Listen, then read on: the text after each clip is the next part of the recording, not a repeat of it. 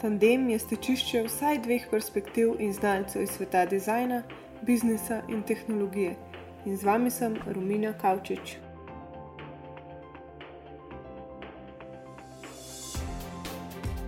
Zakaj rast ni nikoli zaključena zgodba?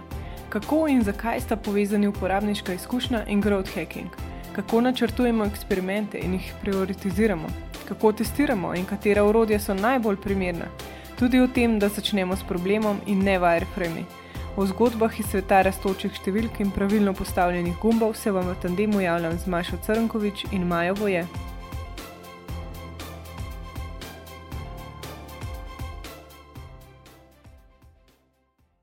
Maša Crnkovič je trenutno vodja analitike in načrtovanja nakupne izkušnje v agenciji Futura DDB.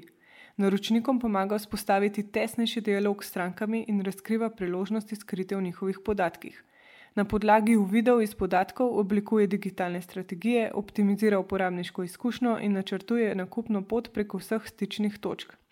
Pred Futuro je kot analitičarka in UX strokovnjakinja uvajala nove metode raziskovanja in testiranja uporabniške izkušnje na agenciji RenderSpace. Maja Voje pod okriljem agencije Medkings več kot 20 korporacijam in tehnološkim gazelam pomaga pri uvajanju growth procesa. Je prva slovenka, ki je pridobila growth hacking certifikat. V Bruslu predava na Akademiji Growth Hacking Workshop. Z ekipo Izel iz ZDA pripravlja Growth Hacking tečaj na Udemy spletni učilnici. Je aktivna članica growthhackers.com, ena izmed najvidnejših aktivnih growth ekspertov na Twitterju in soustanoviteljica skupine Growth Hacking Slovenija, v sklopu katere so se razvili meetupi. Živijo, obema. Živijo. Um, lahko začnemo kar s prvim vprašanjem in sicer, kaj vama pomeni dobra uporabniška izkušnja? Pa lahko ti začneš, Maša, kaj si o tem. Um, dobra uporabniška izkušnja je izkušnja, ki jo ustvarja produkt ali pa izdelek za uporabnika na način, da uporabnik lahko uh, z njim upravlja enostavno in ob tem tudi uživa. To pomeni, da enostavno, da, je, um, da ne rabi prebrati navodil, da nekako intuitivno gre lahko skozi produkt um, in da uživa v smislu, da ga produkt tudi malo preseneti, nagradi na, na, na nek pozitiven način, um, vse skupaj izpeljano, celotno interakcijo od začetka do konca. Ja, krasno. Jaz bi rekla, da je uporabniška izkušnja dobra, sicer vzvod rasti. Se pravi, mi lahko delamo na akviziciji marsikaj in po ne vem kako nizki ceni pripeljemo uporabnike. Vprašanje številka je, da kako dobri, relevantni so ti uporabniki, pustimo za enkrat in se osredotočimo na to, kam jih pripeljemo. V vsakem primeru nas nekaj stane, pa tudi če ne, ne oglašujemo, še vedno imamo vsaj svoj čas, da pripeljemo nekoga na spletno stran oziroma na platformo, ki pač kjer mu želimo pokazati svoj produkt. In če se to zlomi, mi nimamo česa rast. In da vem, imaš prigode tistih um, nigerijskih princev, ko ti pošiljajo maile na okrog, ki so usmerjeni v re, uh, recimo temu procent populacije z malo nižjim IQ-jem, ampak za njih ne bi rekli, ne, da naredijo kakršno koli stvar, ki ustvarja neko trajnostno vzdržno rast, zaradi tega, ker lahko človeka da hecaš enkrat, ampak v resnici. To, da normalnih produktih, tam kaj enkrat plačaš za uporabnike, ki se potrudiš, da jih spraviš gor, v bistvu v prvi izkušnji je kritično, da oni doživijo ta aha moment, oziroma da ugotovijo, kaj ta produkt sploh dela, in da nekako v prvem tednu ostanejo s tabo. Zaradi tega, ker to, da zadržiš porabnika, se pravi ta faza retention, je jedro tvoje rasti.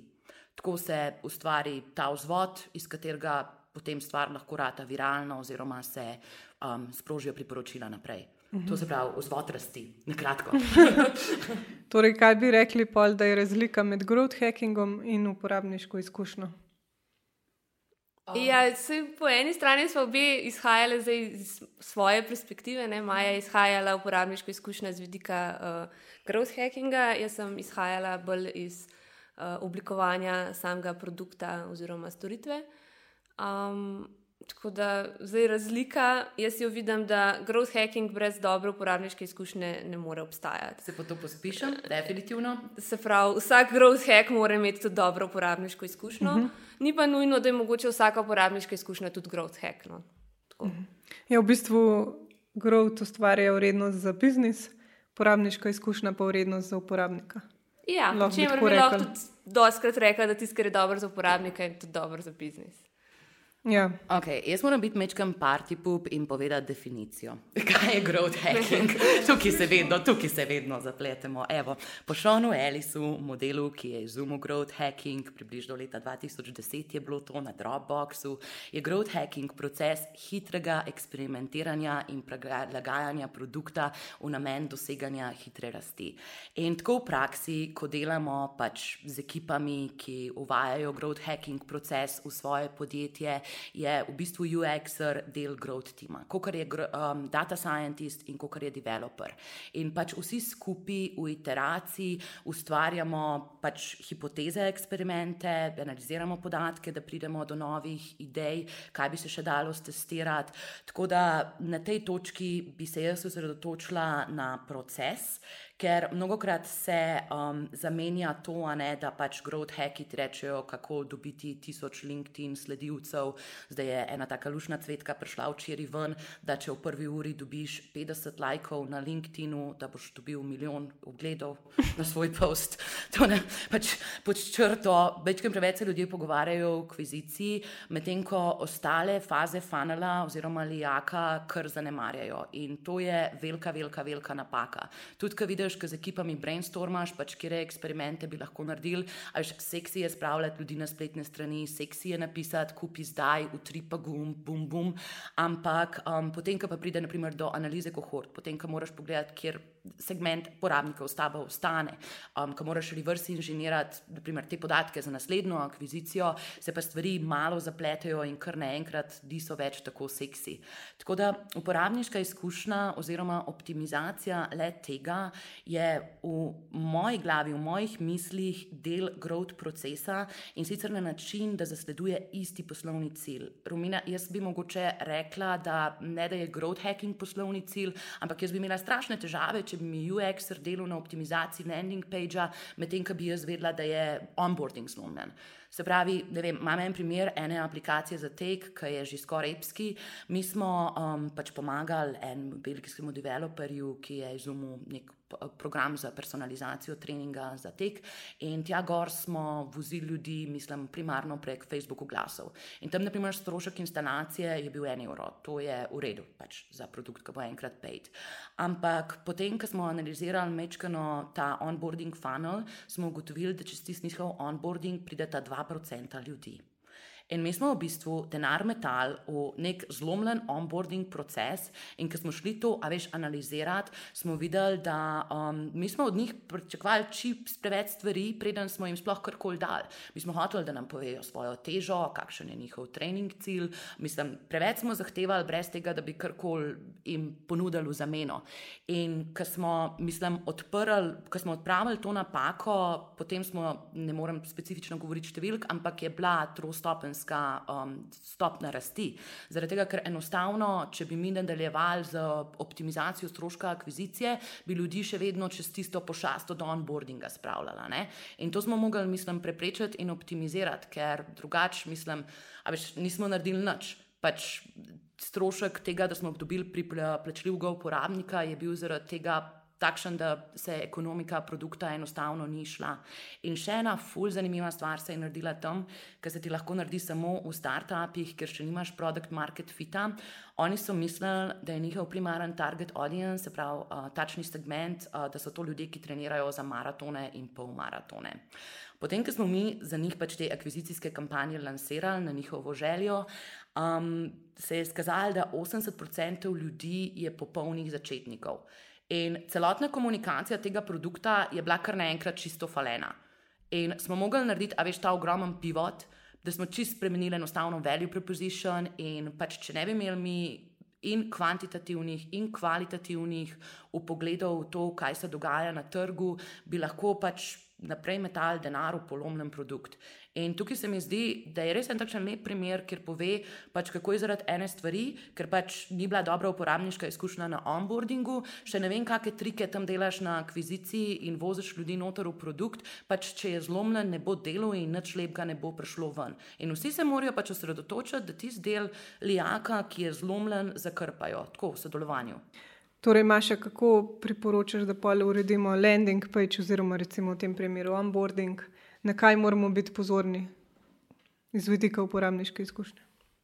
Uh, ja, za landing page gotovo obstajajo določena priporočila oziroma dobre prakse kako ta landing page postaviti, v smislu, uh, jasen value preposition, podnaslov, ki to podpira, slika, ki jasno prikazuje uh, uporabo produkta oziroma kaj uh, ne bi s to storitvijo počeli.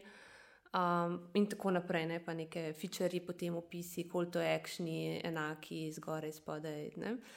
Um, zdaj, za, seveda, za samo optimizacijo je pa treba tudi en korak naprej od teh. Uh, klasičnih priporočil in da se dejansko to testira z uporabniki, da tako, kar imajo omenila, se gleda spletno analitiko, uh, se lahko tudi AB testira, če je dovolj prometa na landing pageu oziroma pristajalni strani.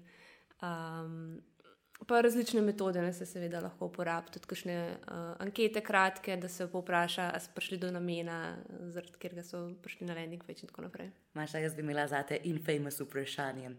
Kakšna bo biti velikost vzorca, da dosežemo statistično relevantnost? Koliko ljudi mora priti na landing page, zato da imaš ti sploh, um, da lahko sploh smiselno nabi test narediš? Uh, ja, zdaj, če rečem tako zelo na pamet. Uh, vsaj tisoč. Pa je ne sto konverzij. Ja, pa je ne sto konverzij. A je to za obe dve varianti? Ja, ja, na, na varianto. Na varianto. Okay. Uh -huh. uh, je pa seveda tako, da bolj detajle, bolj kot testiramo detajle, ali pa um, nekje niže na funnelu, ker imamo že manj ljudi, uh, več potem radbaš neke mase. Ne? Tega, ker manjše spremembe, rabiš ti več ljudi, da je stvar uh, statistično značilna. No, ampak če se recimo navežemo na spletno trgovino, okay. kaj bi najprej testirali? Recimo, ali testiramo že preden se sploh dizajn naredi, ali testiramo potem, kaj je stransko dirana. Ja, definitivno, če pač razvijamo spletno trgovino od začetka, testiramo sproti, lahko že sam wireframe. -hmm. na točki, ko imamo dovolj vsebine in dovolj razdeljen načrt strani, da se uporabnik lahko dobro predstavlja, kaj na tej strani je, mm -hmm. lahko že začnemo testirati. Ampak, kaj testiramo najprej, recimo, ali razume, da gre za spletno trgovino, a testiramo, če vidi call to action gumbe. Kako um, sploh prioritiziramo te eksperimente? Zdaj, jaz bi rekla, da se prvo testira neposredno z uporabnikom, se pravi ena na ena. Uh mhm. -huh. Uporabnika posedemo pred, pred računalnik ali pa telefon, na katerem je zdaj ta prototip ali to wireframe ali design, in ga peljemo skozi določene naloge, kar je bil naš cilj, da ne bi ta spletna stran naredila. Uh -huh. um, zdaj lahko so te naloge zelo odprtega tipa, v smislu, da mu rečemo, ok, kupi čevlje in ga pošljemo na prvo stran in se more sam znajti.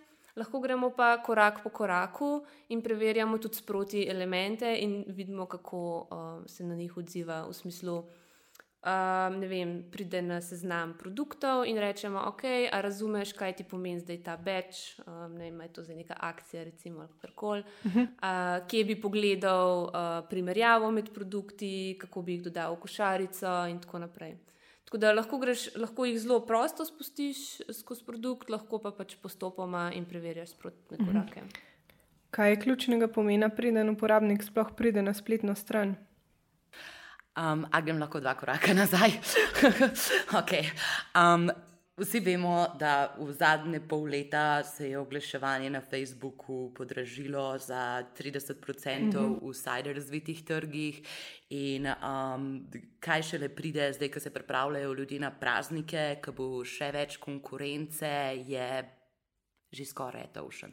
Pač vedno več biznisov je tam in um, zadnje čase vse kampanje, ki smo lansirali, so res, a veš, tiste več stične, multiple touch, urejene z user journeyjem, jih mm -hmm. na mhm. začetku dobiš, zdaj le pač septembra pa oktobra smo delali akvizicijo čistko za klike optimizacijo, pa zato, da se so ljudje seznanili, naprimer s kakšnim video oglaševanjem, da smo saj dobili ljudi na page in potem jih bomo, naprimer, čez remarketing, čez konverzijske kampanje nazaj. Točen, da. In um, tukaj le pač v tej zgodbi, prva stvar, ki se jo jaz zelo zavedam, je, da to ni enostopenski proces.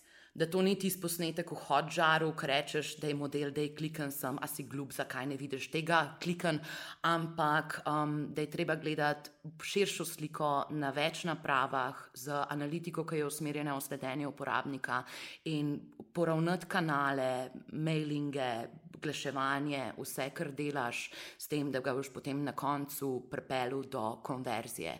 Zdaj, um, jaz imam eno fullušno spletno trgovino v.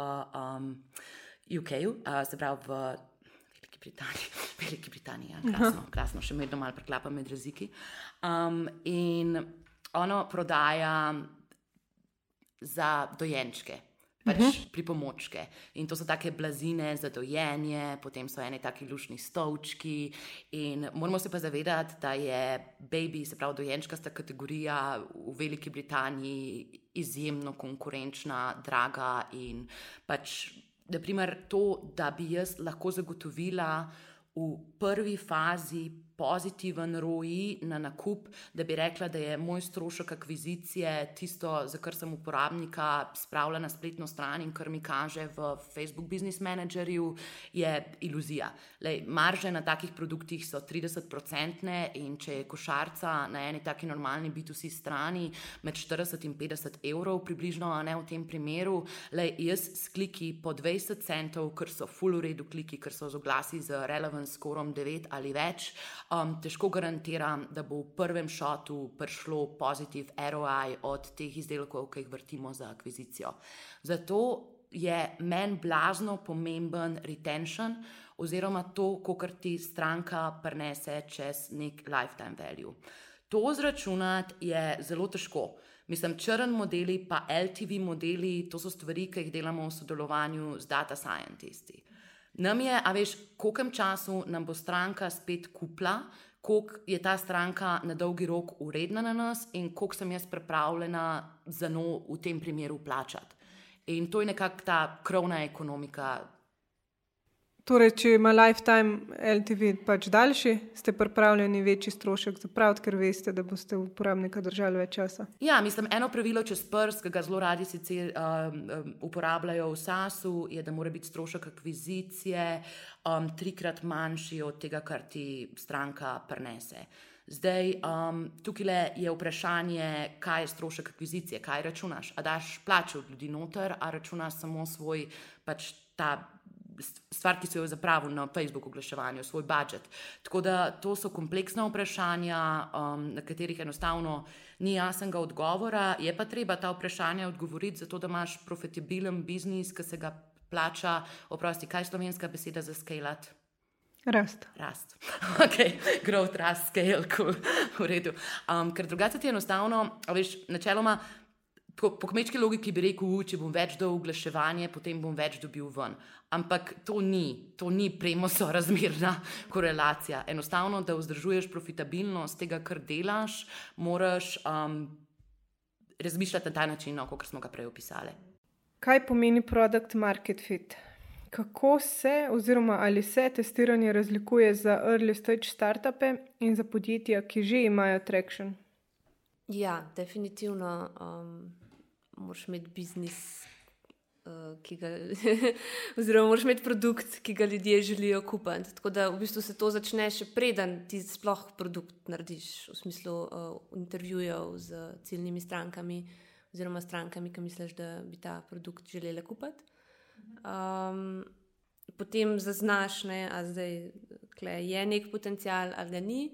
Potem, kasneje, moraš tudi verjetno pogruntati, uh, po kakšni ceni so to stranke pripravljene kupiti.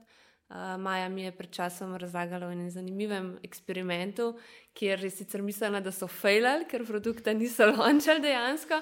Ampak jaz mislim, da je s tem, ko so pogruntali, da stvar nima produkt market fita, oziroma da so uh -huh. uporabniki pripravljeni manj plačati za produkt, kot je bil um, njihov strošek, je temu podjetju prešparala uh, par sto tisoč evrov proizvodnje tega produkta, ker bi pač prepozno lahko ugotoviti, da stvar ne gre na trgu. Ne.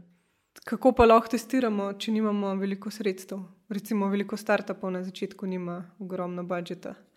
Ja, prva stvar je to, kar sem že prej omenila. Posadiš uh, človeka s tvojim produktom uh, in gledaš, kako on to uporablja. A gremo lahko tudi recimo, vem, v kavarno? Definitivno. Sam da te ven ne vržejo. Kot se je kolegici naredilo en mesec nazaj v Bruslu, iz treh so me ven vrgli. Ampak zakaj? Ja, Zato, ker motiš. Eh, Zaradi tega, ker je gospodična zraven pozabila rezervirati in se zmedati prej z lastniki, in kako smo vleteli le da povedati noter, in uh, je bilo smatrano kot nadlegovanje gostov. Ja. No, Mislim, sej, če, so, če, če, če so uporabniki tudi bolj uh, tehnično pismeni, je super narediti tudi to remote. Uh mhm. -huh. Se pravi, da mu pač pošleš nek link, kjer se nahaja prototip, ali pa živa stran, ali pa karkoli, pa potem to lahko narediš prek Skypa um, širanje skrina in tako, to je uh mhm. -huh. zelo simpel. Um, lahko konec koncev pride k tebi, ne vem, v pisarno na dom, kako koli. Um, v resnici so tudi vsi tvoji kolegi čist uh, uporabni testeri, ne načini na robe, če testiraš s kolegi, dokler oni nimajo občutka, da te bojo užalili, če bojo pač kaj skritizirali. Točno to je Rijana rekla za svojo Lidijo kozmetike. da vedno, kadar razmišlja, da misli o svojih kolegih, če bo to njim pasal. um, Ali lahko še jaz mečkam na produkt market fitu, zaradi tega, ker to je ena taka stvar, o kateri se mi stalno kregamo v komunitiju. Se pravi, na growthhackers.com so zelo zanimive debate, če se v fazi pred produkt market fitom sploh da growth hackat ali ne. In nekako konsens je, da ne. Zaradi tega, ker v zgodnjih fazah, kaj ti v bistvu optimiziraš. Optimiziraš to, da iščeš občinstvo, ki bo dobro reagiralo na tvoj produkt. Ponavadi je to neka taka mikroniša, v kateri delaš stvari, ko ne bojo skalale nikoli. To, kar je Maša rekla, to, da se pač pogovarjaš s uporabniki, da krešaš v kafane, da si na glupih Facebook skupinah, ker mi, ki smo bili na nizozemskem, o tem, ki so se pogovarjali, kako za 7 evrov skuhati obrok za 5 ljudi. Uh, Um, pač tam si z njimi, si tisto poslušaš, razvijaš empatijo. In to je ena taka stvar, ki jo bo najbolj delal founder. Nobena agencija, noben človek, ki te stane 4 ure na mesec, pač to je job, ki ga moraš ti narediti, zato da pokažeš, sploh, da je nekaj tam zunaj. To, da najdeš eno mikronišo, ki se bo dobro odzvala na tvoj value proposition, na tisto, kar ponujaš. In um, nekako cilj, ki ga tudi Y Combinator um, izpostavlja, je, da si najdeš 10 do 100 ljudi, ki obožujejo tvoj izdelek. Uh mhm. -huh. In potem nekako razumeš in lahko ugotoviš, kaj je njim nekako skupnega, ne? in iz tega dobiš te prve poglede. V to, kaj bi sploh lahko bila hipoteza tvojega ciljnega trga, ki jo moraš kasneje še dokazati.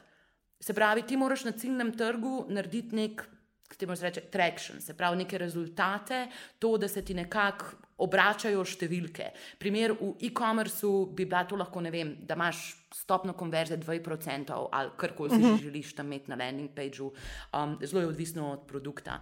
Ampak um, v tisti fazi še vedno delamo stvari, ki jih ne moramo skalati, se pravi, ki jih ne moramo projicirati na večje občinstvo zlahka. Delamo stvari, ki radikalno spremenijo produkt, lahko, se pravi, to so makropivoti in to ni faza, kjer bi lahko optimiziral v smislu. Um, Sroja, se pravi, conversion rate optimization, ali kaj še le podatki. Takrat je vse, kar delaš, kvalitativno. Ker v naslednji fazi, potem, ko je podjetje v bistvu že najdlo produkt market fit, se spravaš v podatke, imaš dovolj velike vzorce in v tisti fazi v bistvu mozeš. Takrat ti bo analitika pokazala, kaj je narobe v tvojem produktu, zakaj je to narobe, ti bo pokazala kvalitativna raziskava, boš naredil še par intervjujev, a pa napisal unim porabnikom, ko niso šli naprej, živijo, kaj te je ustavilo od tega, da nisi pač download do tega produkta. In poti bo on pisal nazaj, ja, nisem verjel, da je v resnici za ston. In boš poti rekel, oh, wow, zdaj bom pa na spletno stran napisal free pa paid version. In um, če za drugo logiko gre, in če za drug profil človeka, ki bo to delo. Tako da um, rast je za me v bistvu nikoli zaključena zgodba, ker kanali pridejo in grejo, in ta cikl je vedno hitrejši. Pač Zmozaš trg in uh, vedno moraš iskati kakšne druge neizkoriščene priložnosti še. A se kasneje, ko ima podjetje že nekaj let delovanja za sabo, fokusiraš na uporabnike, ki ljubijo tvoj produkt, a za tiste, ki v bistvu ga ne, da ugotoviš, kako bi lahko izboljšali? Kdo več da boljših podatkov?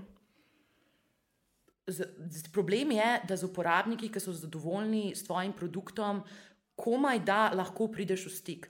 Moj kolega je head of growth iz Zapierja, by the way, um, head of growth iz Togla in Zapierja sta par, zdaj so bili v Amsterdamu, full sta osem. Um, in on je rekel, da njihov produkt, pač Zapier, je tako subtilen, da potem, ga človek enkrat pač naštela in si naredi te svoje osnovne integracije, da pač ni del njegovega življenja. In da pač enostavno je tam neviden in teče, in on ima blazne probleme pridobivati informacije od ljudi. In če nimaš pač zelo dobre user-centric analitike, da bi jih lahko potegnil iz tam ven, um, vedno prideš v kontakt s troublemakerji, z ljudmi, ki ti težijo tam na podportu, ki te pingajo po social mediji. In enostavno to iz mojega vidika dobiš izmaličen pogled. Mislim, v idealnem svetu bi jaz rada delala več stvari, ki jih delamo dobro, in manj stvari, ki jih ne delamo dobro. V smislu, pač tiste uporabnike, ki so uspešno prestali moj lijak, bi rada reverse inženirala oziroma najde njihove skupne točke, zato da bi v prihodnosti lahko še več njih potegali na ven. To mi je v interesu. Ampak nimam pa enostavnega odgovora na to, zaradi tega, ker. Um, Enostavno, veš, jaz delam s tem, z data scientisti, pa z UX-erji in bi mogoče Mašo to bilo boljše vprašati. Ja, po mojem, pač rabiš oba tipa uporabnikov. Se pravi, tisti, ki ljubijo tvoj produkt, da razumeš zakaj. Um, ker vedno rabiš tudi tiste outlierje, ki so neki tako full series zagreti uporabniki produkta. Um, in pa tiste, ki ga v bistvu niso kupili, um, enostavno zato, da razumeš zakaj. Zdaj lahko je to čist ne vem, neke zunanje okoliščine mogoče lahko je pa vem, dejansko šel k konkurenci. Pa uh mhm. -huh. hočeš definitivno vedeti, kje je bil zdaj una točka, kjer se je on premislil, glede na to, da je že bil na tvoji strani, zakaj je šel v konkurenci, ali je to zdaj stvar v procesu, ali je bila tam boljša ponudba, ali ne vem je bil user experience tako slab, da ni znal kupiti. To je pač uh mhm. -huh. stvari, ki jih definitivno hočeš vedeti. Maša, to, kar si povedala o teh uporabnikih, ki ljubijo produkt, je mene spomnil še na eno stvar. In na tistih uporabnikih bi, na primer, takoj lansiral referral program. Ne, mislim, to pač za tisto ja, viralno zavest. Ja. To, to je zelo pomembno, kar si rekla. Ker pač s tem, ko identificiraš te ljudi, mislim, da so te že tako, brez tega, da jih sploh kakršno koli inicijativo, nagrado daješ za to, ker so ti pripravljeni o tebi govoriti in te endorsati. Naprimer, jaz imam takšen love relationship s Hodžarom, ki vem, da ga ti ne maraš, ampak pa tam, kamorkoli ga lahko, preden delam, odite. Zaradi tega, ker imajo ponavadi podjetja, mislim, tako slabo pogled v to, pa tako nezadosten kader na tem področju, da tako jim vsaj loha, veš, neki predočim. Lej, Tukaj si naredil šest stopenjski ogaben proces, ki ljudi nervira in ne grejo čez. Poglej si ga, reši. No, ja, se glih to, ne, zakaj, v bistvu, da razložim, zakaj jaz včasih rečem, da ne maram hodžara.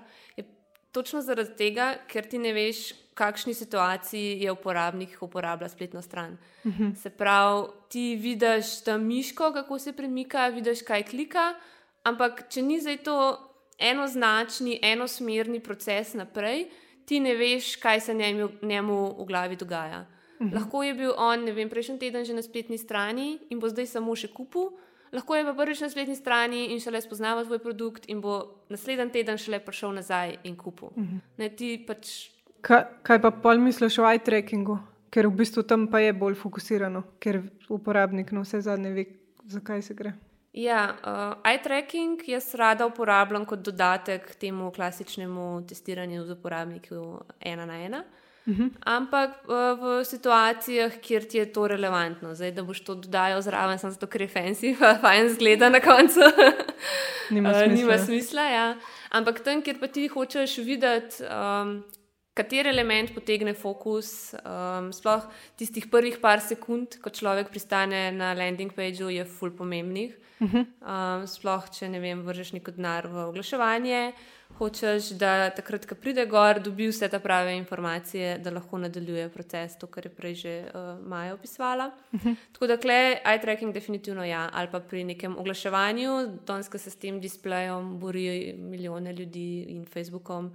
Pač hočeš, da tvoj oglas na unem skrolu, neskončnem, pač pritegne uh, pozornost. Kaj v praksi pomeni ARR? Uh, acquisition, activation, retention, revenue in referral. Okay, to niso metrike, ampak so faze lijaka oziroma uporabniške, uporabniške poti čez ta produkt. Mislim, mi mu rečemo funnel, prevaja ne bi se lijak. Um, to je v bistvu, mislim, v moji glavi dosti podobno kot customer journey. Se pravi, awareness je pomeni to, da človek sploh pride v kontakt s tvojo blagovno znamko. Človek, ki vidi več tisoč oglasov, je nekako zaznal in ozavestil tvojo blagovno znamko. Poanta ve, da obstajaš. Druga stvar, akvizicija je, ko si ti zmožen identificirati porabnika z edinstvenim identifikatorjem. To je ponavadi e-mail. Takrat pa se ti zmožen priti v kontakt z njim in komunicirati z njim naprej. Aktivacija, activation, to pomeni, da je on prišel do tega tako imenovanega aha momenta, da ve, kaj tvoj produkt dela. Naprimer, onboarding bi bil tipičen, pač, kako bi mi nekako optimizirali fazo aktivacije uporabnika. Potem naslednja faza je retention. Um, na retentionu je zelo težko delati. Ponavadi se ti te krivulje sploščijo po prvem tednu, za aplikacije je tako, da po 90 dneh lahko končaš tudi z 10% uporabnikov, ki si jih prevzel, in karkoli lahko narediš na optimizaciji. Retenčna, se pravi, tega, da zadržiš porabnika, se ti poplača večkratno na vseh stopnjah funnela. In potem imamo še. Um, kako se reče temu, referral, se pravi to, da ljudje priporočajo druge. To smo pa že prej rekli, ne, da tisti uporabniki, ki so zadovoljni s svojim produktom, pa ga imajo radi, bojo to z veseljem naredili, lahko še kakšno tako nagradico noter vržeš, kot kar Dropbox, pa Uber, kakšno zaston vožnico podariš. Um, to so take zelo lušne zadeve. Ampak ta funnel, mislim, ta lijak je drugačen za različne produkte, a pa storitve. Mi imamo e-trgovine, ki rečemo, da je aktivacija prvi nakup. Zaradi tega, ker smo jim enostavno prodali tako pocen stvar, da takrat za nas to še ni pač profitabilna stranka, sploh in jih moramo upsellati. In mi bomo, naprimer, upsellali naslednja pol leta in bomo šele potem. Tako, um, Lijak je samo eden od modelov, s katerimi lahko delamo, je pa tako enostaven, da ga večina ljudi zelo rada uporablja. Ne? Ja, mislim, prav specifično ta ARR je pač namenjen SAS, uh, mislim, se ga raz, razlaga za te SAS storitve. Um, načeloma ti lahko lijak postaviš po svoje, tako kot je Maja rekla, različni produkti imajo različno uh mhm. -huh. nakupno pot. Um, ne vem, zdaj, če imaš ti aplikacijo, ker se ti skozi stiku z uporabniki, je ta faza retenčna oziroma lojalnosti uh, drugačna kot recimo pri produktu, ker ti enkrat kupaš in mogoče ne vem, naslednji dve leti spet ne boš potreboval. Ja, boš... ampak to je umetnost, naprimer, dobrih produktov in točno to, kar sem prej rekla, to, da retention obdržiš. Naprimer, kaj dela LinkedIn? LinkedIn je primarno orodje za iskanje službe. Kdaj to delaš? Enkrat na 3-4 leta za povprečen človek. In oni so čez te svoje feature, se pravi, čez te svoje funkcionalnosti, kot je naprimer to, da si pošiljaš sporočila in um, spemaste sales maile in da se priporočaš in da, pač, da si v interakciji z drugimi ljudmi v bistvu rešil svoj problem retention uspešna. Naprimer, tudi imaš primere teh, ki prodajajo nepremičnine, oni si ustvarjajo komunitije ali pa pač ustvarjajo uporabno vsebino za sosedske, zaradi tega, da potem, ko boš ti enkrat v tej fazi, ko boš to kupoval, a pa menjal, da boš. Prva njihova izbira. In tukaj je meni pač fenomen dobrih produktov to, da enostavno narediš več točk, kot je normalen nakupni cikl. Seveda pač te ne zanima vsak dan, živijo to so ponudbe nepremičnin na Bežigradu, večino ljudi to ne zanima, ampak da pa se pač pogostejše in še vedno v redu interakcije delati. Oprosti, ker sem te prekinila. Ni panike. Uh, mislim, kar bi jaz mogoče rada kle uh, poslušalcem uh, položila na, na vest, je to, da so v bistvu te fanali, kjerkoli že uporabljaš, v bistvu temeljni način, kako katerkoli kupec razmišlja um, od začetka, ko spozna tvoj brand, do konca, kako kupi, oziroma ko ti ostane lojalen. Uh, ne glede na to, ali uporabljaš pač ta ARR, ali uporabljaš vem, Sitting Do, ali uporabljaš um, vem, AIDA uh, koncept, uh, vedno je pač point v tem, da moraš razmišljati o uporabniku, o njegovi izkušnji na, tisti, um, na stičnih točkah, kjer se nahaja, v kontekstu, ki ga ima, um, njegovi življenjski situaciji, glede na pač produkt, ki ga prodajaš, um, in to skozi cel ta cikl. Ne. Se pravi, ne samo, da je tisti landing page enkrat postaviš in je gotovo. In je to, to je. Um, ampak moraš vse čas razmišljati, katere oglase mu daješ, kam ga potem pelješ kakšna je ta spletna stran, ali je to povezano s prejšnjo točko, uh, kaj je naslednji korak. Um, tako da je to dejansko neka pot. Ne? Uh, in vsaka, vsaka stična točka mora imeti predvideno in vsebino, in cilj. A pa se vam zdi, glede na zasičenost trga, predvsem to, da se cena na uporabnika zvišuje. In um, vse, ostale, kar, vse ostalo, kar smo že zdaj povedali, da se ta ozaveščenost oziroma ja, ozaveščenost na digitalu lažje doseže, ali je boljš, recimo, če zdaj za čist klasičen primer, da naredimo ne, tisoč jambotov in jih postavimo po Ljubljani. Lej, to smo že ful debatirali, ko smo govorili o produkt market fitu. Na začetku moraš iti ven in delati stvari, ki nas skalajo. Moraš iti, ne vem, mislim, se postaviš na lokacijo in ljudem fizično inštaliraš aplikacijo, če je treba, in jim pokažeš, kako to dela, da dobiš tistih svojih deset uporabnikov, ki te bojo potem imeli radi. Potem pogosta, naprimer, stvar, ki jo delajo v B2B, je, da greš na meetupe, na konference, naprimer v blockchainu. Se zdaj to veliko dogaja, da te ekipe preden naredijo ICO imajo svoje meetupe, Slack community, take stvari. Tako da jaz mislim, da oba dva sveta koexistirata, s tem, da je odvisno, mislim, če si na isti lokaciji, kot je tvoj trg. Naprimer, če ti prodajaš v Ameriko in si podjetje locirano v Zagrebu, ne bi zdaj, katero podjetje je to, se boš verjetno bolj zanašal na digital, zaradi tega, ker je to zate enostavnejša pot, merljiva pot, ne na zadnje, pogosto je tudi cenejša pot, da boš nekaj naredil tam. Ne? Še mhm. vedno pa moraš biti na lokaciji, moraš biti na terenu in te stvari so težke za delati. Mislim, to je, a veš, da se spraviš tam ti iz pisarne, da meka zapreš in greš tam nekomu pingat in ga tam, mislim, te pogledati, kot da bi ga žical že denar za droge. To so težke stvari, to nikoli ni enostavno. Sam treba jih je pa narediti. Ja, mislim, da lahko si pa tudi pač večje podjetje, ki ima denar in si to lahko prvošč. In ja, seveda, potem želiš doseči ciljno skupino tam, kjer se nahaja. Če je to outdoor, če je to televizija, seveda, zakaj ne. ne?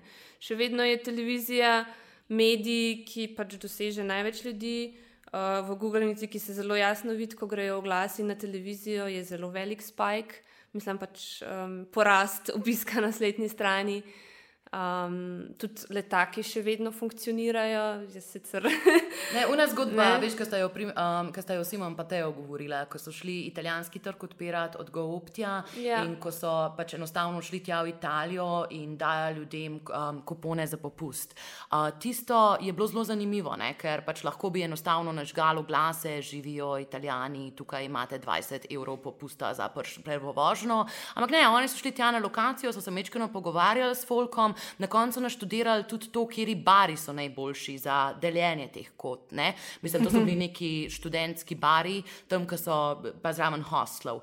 In um, to, ja, kot je Maša rekla, jaz mogoče mečkam preveč sedim med programerji, da imam malo izmaličeno sliko nad tem svetom. Ampak um, tam, ki so uporabniki, pa na začetku, ko, če sploh še nimaš informacij, um, je treba to iti pobrati. Če ni bližnjic. Kako pa povežemo potem offline in online? Recimo, če razdelimo letake, teže vemo, da so prišli jih iz letakov. Uh, niti ne, zaradi tega, ker kupon, uh, kupon kod lahko generiraš in na ta Aha. način potem atribuiraš. Ali pa unikaten URL. Da... Tudi klice se da na ta način atribuirati. Yeah. Ja. To je odvisno, koliko imaš močen analitičen oddelek, mislim pa, koliko si prej zastavil ne, to mhm. akcijo, uh -huh. da bo umrljiva, da se.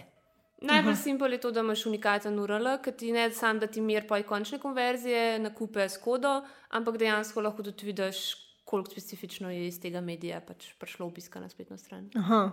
Kako pa testirajo recimo iz TV-ja, se dejansko ve, kdaj je v glas in potem se pogleda, koliko je bilo obiska. Um, obstaja še kakšna pot, da recimo kličejo uporabnika ali ste gledali? Ja, ne, dobro, ne kličeš. Ne. uh, včasih, kakšne ankete sicer vprašajo na koncu, kako si izvedel za našo blagovno znamko. Ampak načeloma, ja, lahko vidiš spajk že takoj. Vemo, da zdaj je ta multiscreen svet, kjer ljudje pač gledajo televizijo in med reklamami vmes definitivno še po telefonu brskajo. In najmanjši problem ti je takrat utipkati v telefon tisti URL, če te v glas dejansko pritegne. Um, sicer tudi na televiziji lahko uporabiš unikaten URL. Um, ena taka najbolj zanesljiva stvar je pa, da je TV oglas edino oglaševanje, ki ga delaš. In pač, ne vem, začneš najprej s TV oglasom, vidiš, kako ti prpele, ne vem, čez dva dni dodaš uh, še nek drug medij, vidiš, kako ti prpele. Um, na internetu pa je tako s temi UTM-ji uh, lahko praktično vse potrekaš. E, meni je zdaj to, da bi eno paralelno vesolje opisovala, ker jaz po moje tri leta nisem gledala televizije, ful mojih prijateljev nimajo televizije. Jaz ne vem, kdaj sem nazadnje videla oglas, tako da mogoče ja, je tudi lifestyle. Starost tega tarčnega segmenta, ki ga imaš. Ker... Pa mi dve tudi predvsem z različnimi strankami delamo. Ti imaš bolj start-upe, neke take. Ne, nima več startupov. Hitro raztoče, manjše. Ja, to pa ne, ne, smo mi tudi začeli uh, zdaj zelo veliko delati z večjimi podjetji, ker uvajamo growth procese. Pač to je ena taka svetovalna storitev, ki jih v bistvu učiš metodologijo, pa to, da naredijo backlog, pa da delajo, mislim, tako počrto, ne, cilj je stvari delati hitreje. Ker unimarketinški oddelki, mislim, tisto je lahko tako počasno, da človek misli, krvavi v duši, ko samo gleda, kako uporabljajo računalnike. Tako da jih mečken pač na te agilne metode dela, pa na to, da je treba malo rezultate pokazati pod konec sprinta, ne? pa malo pogledati, kaj se dogaja v analitiki, pa da podlagi tega graditi, ne da si boš naredila tam uh, marketing plan za eno leto in pokopjanec plota izvajala tiste naloge. Ja, klej definitivno pri podjetjih uh, se eni začenjajo truditi te stvari uvajati. Um, tako da super, uh, za, če ti delaš z njimi, ker sem videla tudi situacije, kjer pač delajo z agencijami, ki kvazi neki delajo. Um, in potem vidiš, da pač se lotijo stvari z napačnih koncev, vem, optimizirajo za napačne metrike. Ja, um, Kdo so pa ključni ljudje, ki v bistvu morajo biti zraven tega? Um, jaz mislim, da vse izhaja iz podpore vodstva. Pri strankah, ki so pri nas najbolj uspešne, pač v Belgiji, ne vem, je lastnik te največje medijske hiše v Belgiji. On je 65-letni gospod, ki je lani prišel na growth hacking delavnico k nam in model rastura. Pač, to je nek človek, ki zbira športne stare avtomobile in je zaštekel growth hacking v dveh dneh.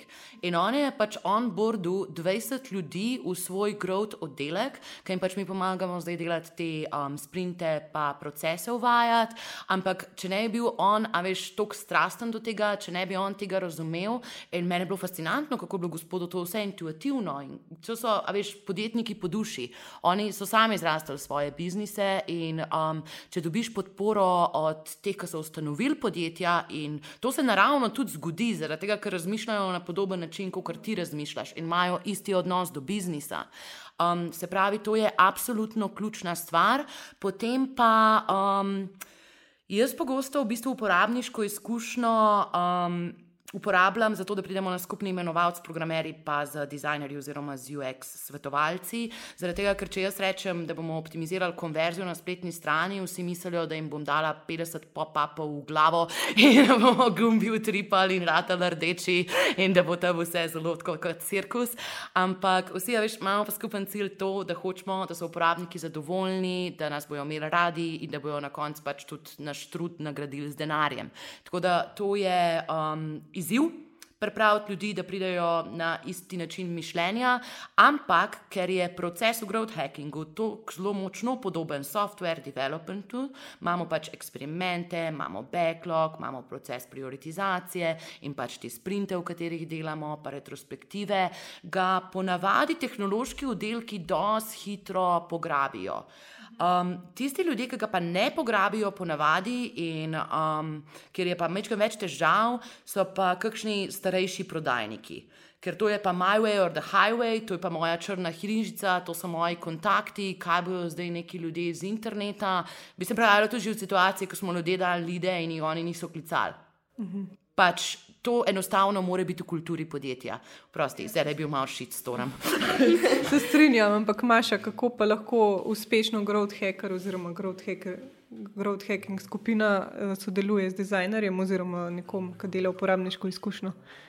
Ja, definitivno mora biti celotna ekipa pripravljena na večje spremembe. Um, vem, mi, recimo, ki delamo z večjimi podjetji, tam imaš zelo velikrat primere, kjer, se, kjer si oddelki razdelijo praktično po kanalih. Se pravi, nekdo je odgovoren za spletno stran, nekdo je odgovoren za Facebook, nekdo eh, potem imaš vem, za PR, za oglaševanje, s tem, da se spet oglaševanje deli na klasičen zakup, na online zakup, pa še na Google je ponavadi še svoja agencija. Ampak vemo, da uporabniška izkušnja, tako kot smo se že prej pogovarjali, mora iti skozi vse točke, growth hacking se mora dogajati uh, na vseh točkah.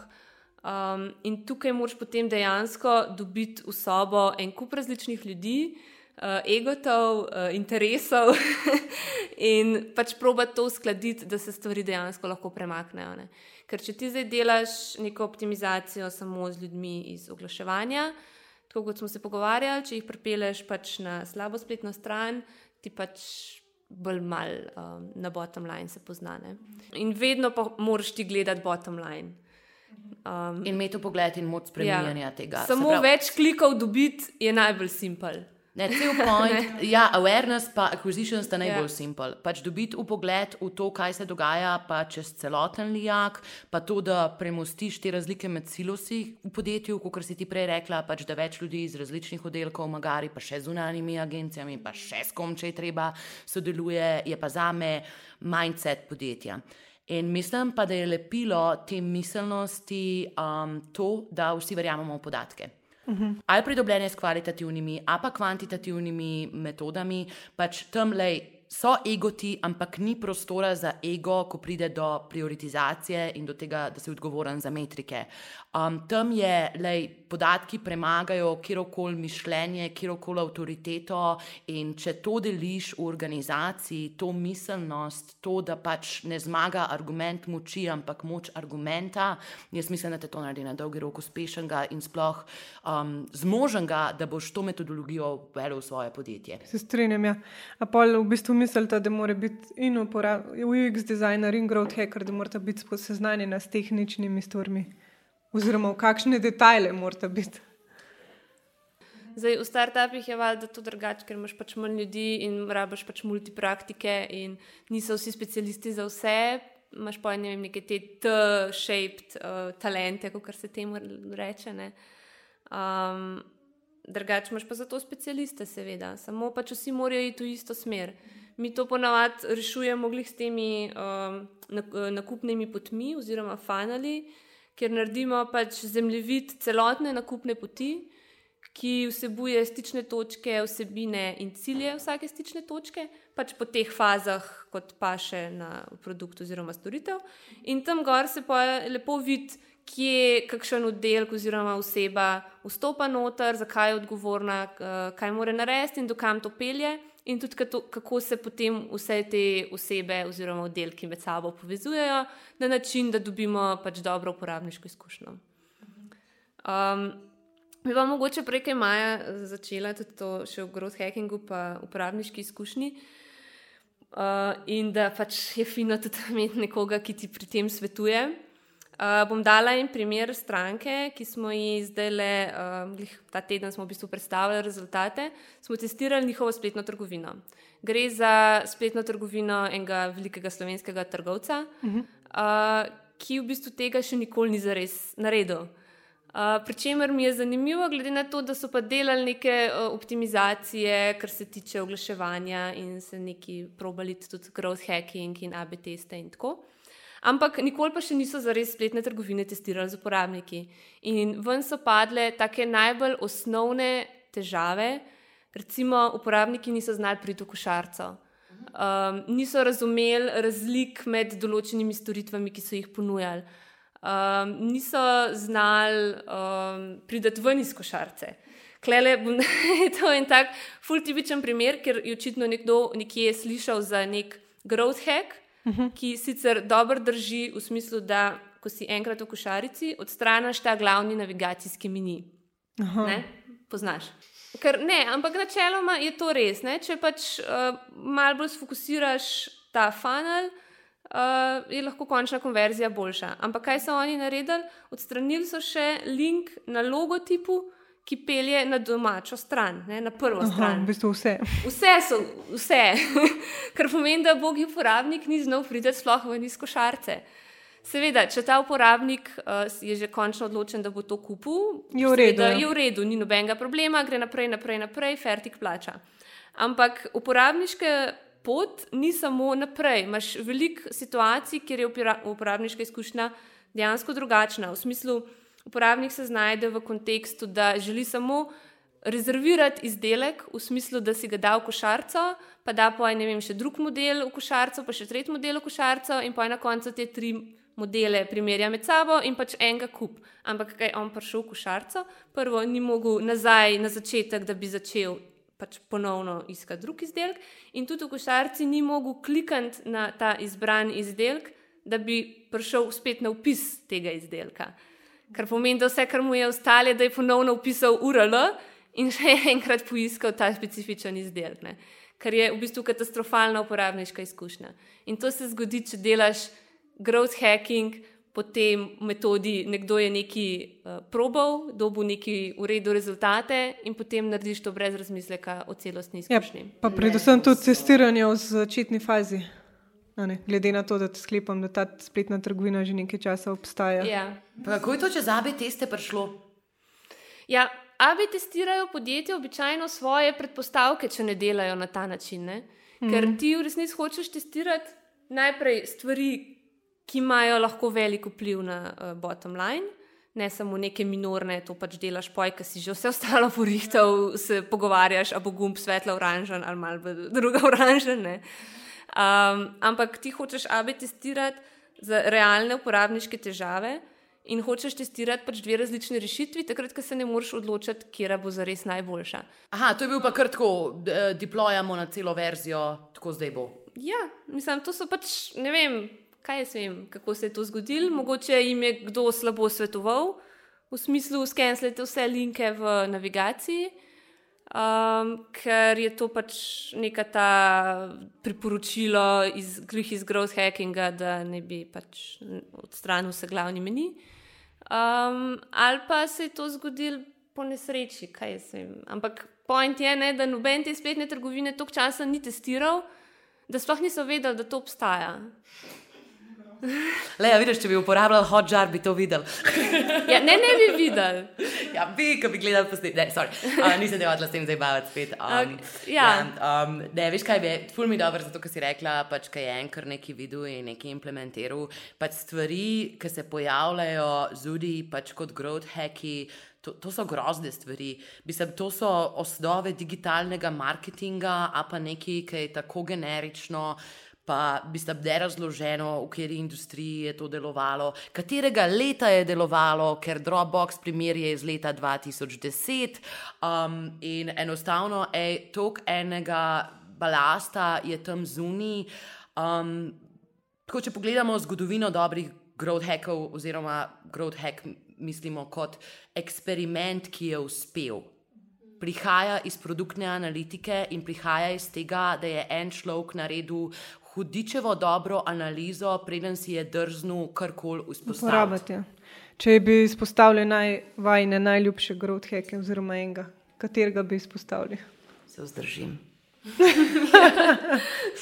Ne moreš me izrenta, potem ko govorim, da ni splošno relevantnih priporočil in da bi, preden začnemo delati stranko, en mesec visimo v njihovih podatkih, da zapolnimo tisti backlog stvari. Ne moreš mi zdaj povedati, mislim, kaj je najboljši growth. Zihar, dober growth hack smo mi naredili, ko bomo imeli zdaj after v dvornem baru in smo ga napovedali en dan prej. To, to je Dobar, hack. Ja. Mislim, meni se zdi, da je dober growth hack lahko izhaja samo iz dobrega insighta. Ja. Ne, zdaj, če rečeš, da bojo ti ljudje pač poštimali ta link na logo tu. Ali je to zdaj growth hack ali ni, ampak zihar jim bo izboljšal uporabniško izkušnjo. ne, v bistvu nisem mislila tako, recimo, to je bilo bolj v smislu, ali Dropbox je takrat s temi referral linki naredil pač eh, profitabilno um, podjetje.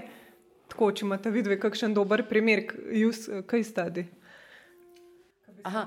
Mislim, jaz sem enkrat že razlagala ono aplikacijo za tek, ker smo res pač dosegli tri stopenjsko rast, s tem, da smo pač ljudi nismo več mučili čez tisti onboarding. Ti si bil takšen ogromen uspeh. Potem, um, ne vem, tisto, kar smo delali na nizozemskem, je bilo fulj zanimivo, ker smo testirali več različnih audiencev, pa value propositionov in smo ugotovili, da ima pač en audience z enim value proposition bolano konverzijo in smo pač potem vse valjda usmerili tja, ker je bilo tisto je bolano delalo. Mislim, čistko, a veš, on the go, pa v kateri fazi je podjetje, ne, mhm. kje se zapleta tisto fazo funnela, rešuješ. Zdaj, kar se pa tiče teh uh, for, pa stvari, ki jih delamo, evo, zdaj le, da priber, pa to greste lahko brati uh, videa Clancyja ali pa Josha uh, Fetcherja, pa vse te ljudi, ki dajo več teh acquisition growth hackov. Zadnje čase imaš uh, več filozofij, kako na LinkedIn-u id viral, to je zelo priljubljena stvar kako se zbira tam lajke, pa lide in kako moraš komentirati, da dobiš pol tisto stvar v private message, da si dobijajo doseg. Ampak spet, a veš, to je tako specifično od produkta in od tega, kakšna blagovna znamka si in na kakšne porabnike ciljaš, da meni tako generalistično na svetu bi bilo da popolnoma nepošteno. Uh -huh. A smo v življenju že kaj naredili? Ja, verjetno smo, um, ampak ne moramo pa tega 100% copy-pastati na druge primere. Ja, definitivno ne. Ja, jaz se čist strinjam s tem, kar je Maja povedala. Ker v bistvu zdaj vsi hočejo ta Dropbox, pa neke referral linke delijo, ne znajo pa uporabljati. To je pa se. Mislim, um, drugače je Savas, pač ta moj kolega iz Grčije, ki ima Viral Loops, um, je sicer full dober referral program naredil z Growth Tribom, za um, Growth um, Summit, ko je bil poleti. Oni so prek tega. Um, njihovega sistema za priporočil zbrali 5000 dodatnih prijav na konferenco, pač tako, da jim ni bilo treba oglaševati. Ampak to je bilo zato, ker je bil produkt hudičevo dober. In valjda, če se ti na tistem samitu boš povabil vse štiri kolege in to je pač, a veš, stvar, ki je v bistvu že inbuilt, se pravi, ki je ugrajena v produkt. To ne boš naštimu iste stvari na sursovo konferenco in bo delovala, pač ne bo. Točno to je. Um, katere vire pa predlagate za učenje? Okay. Se pravi, um, raj vseh verov je growthhackers.com, to je od Šona Elisa Community, tam noter so case studies, se pravi, kako so ta legendarna podjetja zrasla, tam noter je QA, je Ask Me Anything rubrika z najboljšimi growth strokovnjaki, ki jih lahko sprašuješ v živo stvari in ti pogovarjajo, odgovarjajo, to je definitivno zakladnica.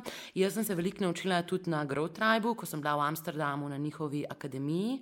Um, potem nekako sem še sama raziskvala in vse to sem zbrala na enem zivbordu, um, ki se pač imenuje Growth Hacking by Maja Voje. In tam je 200 linkov gor, so članki, so primeri eksperimentov in so brezplačna orodja, ki jih lahko pač uporabljaš. Um, in ja, mislim, zadeva je dosti priljubljena, ima dosti followerjev. Tako da mislim, da je to odličen začetek. Kakšen keynote si še pogledajte na YouTubu, Growth Hacking Keynote, napišite noter, pa boste videli lepo 20-minutne prezentacije, na kratko, lepo razloženo, kako se zagre. Um, in potem pa še vljudno vabljeni v našo Facebook skupino Growth Hacking Slovenija. Tam imamo tudi Ask Me Editing Monday, najbolj priljubljena rubrika. Pa trudimo se no, biti prijazni, odgovarjati na stvari, vzdrževati pač en pozitiven ton komunikacije, kar je v Sloveniji včasih težko, ne pa ne mogoče. Ja, ti se ful trudiš. Ja. Pozdravljen, dobrodošel. Uh, ja, kar se tiče user experience, definitivno Nilsen. um, Luk Vroblevski, uh. -huh. kako se piše. Vroblevski. um, usability.gov. Um, kaj še? Uh, v moj mailbox doskrat rada preberem Gary uh, McGovern. Um, Čudem, da ni Gary V. Kaj pa vem, pa kakšne knjige, ne? tudi um, od kruga, ta klasika, Don't mm -hmm. Make Me Think. ali Pa, um, ja, to, Super. kar imam zelo na Kje pa vidve dobite najboljše ideje? Jaz ghosterijem, to je extension za Chrome, hodim na spletne strani do enih ljudi, ki se mi zdi, da pač super delajo, ki jih spoštujem pač kot osebe, ki vem, da so super profesionalci in mal konkurentov, tako da tam dobim uh, največ idej za nova orodja. Kar se tiče pa eksperimentov, pa growthhackers.com, zelo velik brainstormamo s kolegi, pač tukaj se res, a veš, noben si ni v bistvu neposreden konkurent.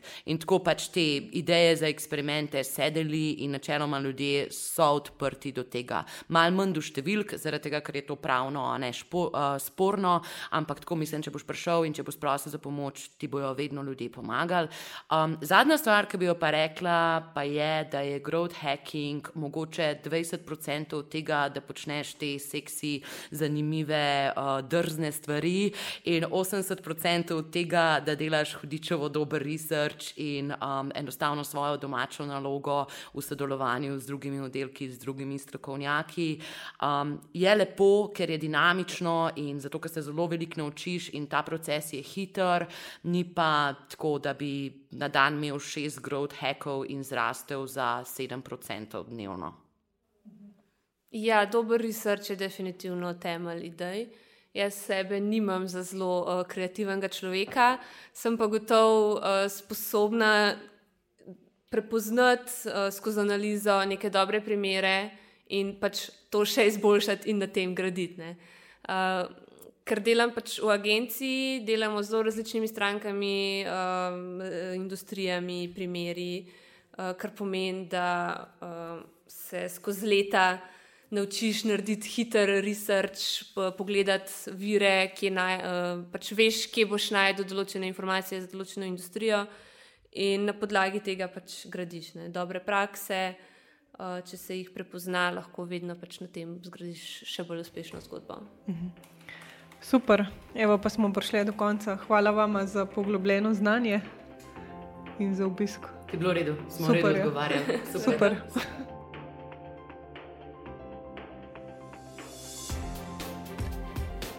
Tandem lahko spremljate na Twitterju, Instagramu in Facebooku pod Poslušaj Tandem. Vaša mnenja in predloge pošljite na hajafna poslušaj tandem.si. Adijo, se slišimo čez 14 dni.